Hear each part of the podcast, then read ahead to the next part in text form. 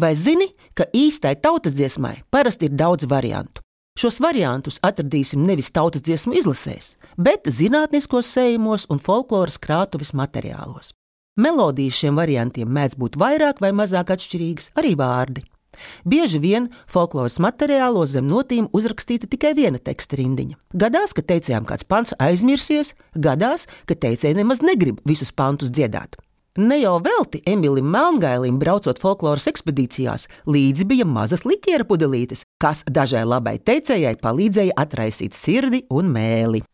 Par tādu kā iekšējo pašcensūru aizdomājos, atrodot kādas ļoti populāras bērnu dziesmas, daudzos teksta variantus. Man tas bija liels pārsteigums. Pastāstīšu par to. Šī dziesma ir labi zināmā bērnu dziesma, kur tad tu nu biji āzīti manu?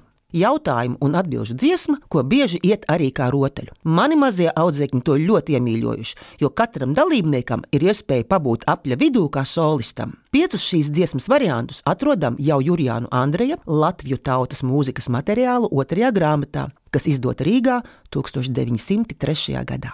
Tur mūsu izcilais komponists un folklorists atzīmē, ka dziesmas motīvi izplatīti arī pie kaimiņu tautām.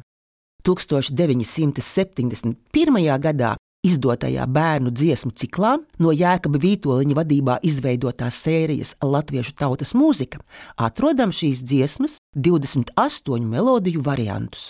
Tieši puse - 14 melodijas no Latgales, un tur ozītis, miltu smaļ un bīdelē patmaļās, skaists un saprotams dzirnavu nosaukums - patmaļas, pašas maļās. Par sudmalu vārdu izcelsmi joprojām nav izdevies iegūt skaidru atbildi. Nu, saprotams, ka tās ir dzirnavas. Visi zinām tautas deju sudmaliņas, bet paša vārda etimoloģija nav skaidra. Viedoklis, ka tās varētu būt sutmalas, nav vēsturiski pamatots, jo sudmalas rakstu avotos minētas sen pirms sutas jeb tvaika dzirnavām.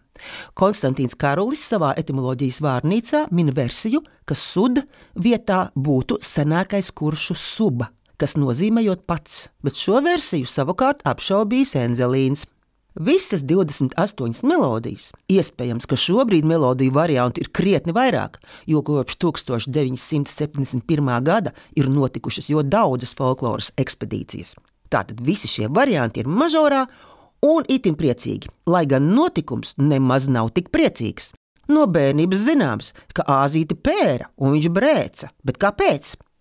Ilgu laiku domāju, laikam tāpēc, ka to alu par daudz iedzēra. Tā nodarbībā skaidroja arī bērniem, ja kāds prasa. Un tāpēc, lai āzīti nepērtu, reizumis mainījām tekstu, un alus vietā dziedājām par skaidravota ūdentiņu, limonādi vai ko citu, ko nu kuro reizi izdomāja rotaļas dalībnieki. Taču pirms kāda laika sāku pētīt dziesmas teksta daudzos variantus, kas atrodami akadēmiskajā izdevuma Latviešu tautas dziesmas sestajā bērnu folklorai veltītajā sējumā. Un atklāju interesantas lietas. Kāpēc tad dāzīti pēra?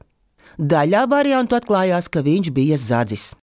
Un kad nu viņu noķēra, tad sita vai nu ar stibiņu paribiņu, vai ar pagali papakali, un brēca arī viņš dažādi gan buku bē, gan miku mē, gan mekmekmē un pat buku bēti līvai. Taču daudz vairāk variantos āzīte pēra, kūla vai sita par ko citu. Un proti, pēc tam, kad āzītis bija pamielojies un mielasts bijis vērens, āzītis ēda ne tikai pienu, medu vai baltu maizi, jo daudzos variantos cepešus, gan sāļu, gan zosu un pīļu, Vienā kurzemes variantā savukārt sklandu raušus.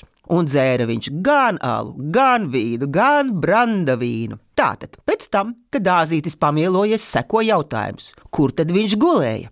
Un atbildes ir pārsteidzoši daudzveidīgas. Piemēram, pie mamzeles, pie gaspažas, pie meitām kambarī, pie meldermeitiņām, ar gaspažas paduškeņos, uz jumprovas paduškeņas, Atbildes ir daudzveidīgas, bet tā lieta, kāpēc āzīte sita, nu paliek skaidrāka. Un skaidrs arī tas, kāpēc dažādās bērnu dziesmu un rotaļu grāmatās šīs rindas neparādās.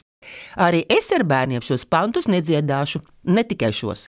Pēc gadījuma, kad dzirdu bērni dzied miltus malu bībelēju, izvēlos variantu miltus malu, miltus malu, nevis bīdelēju.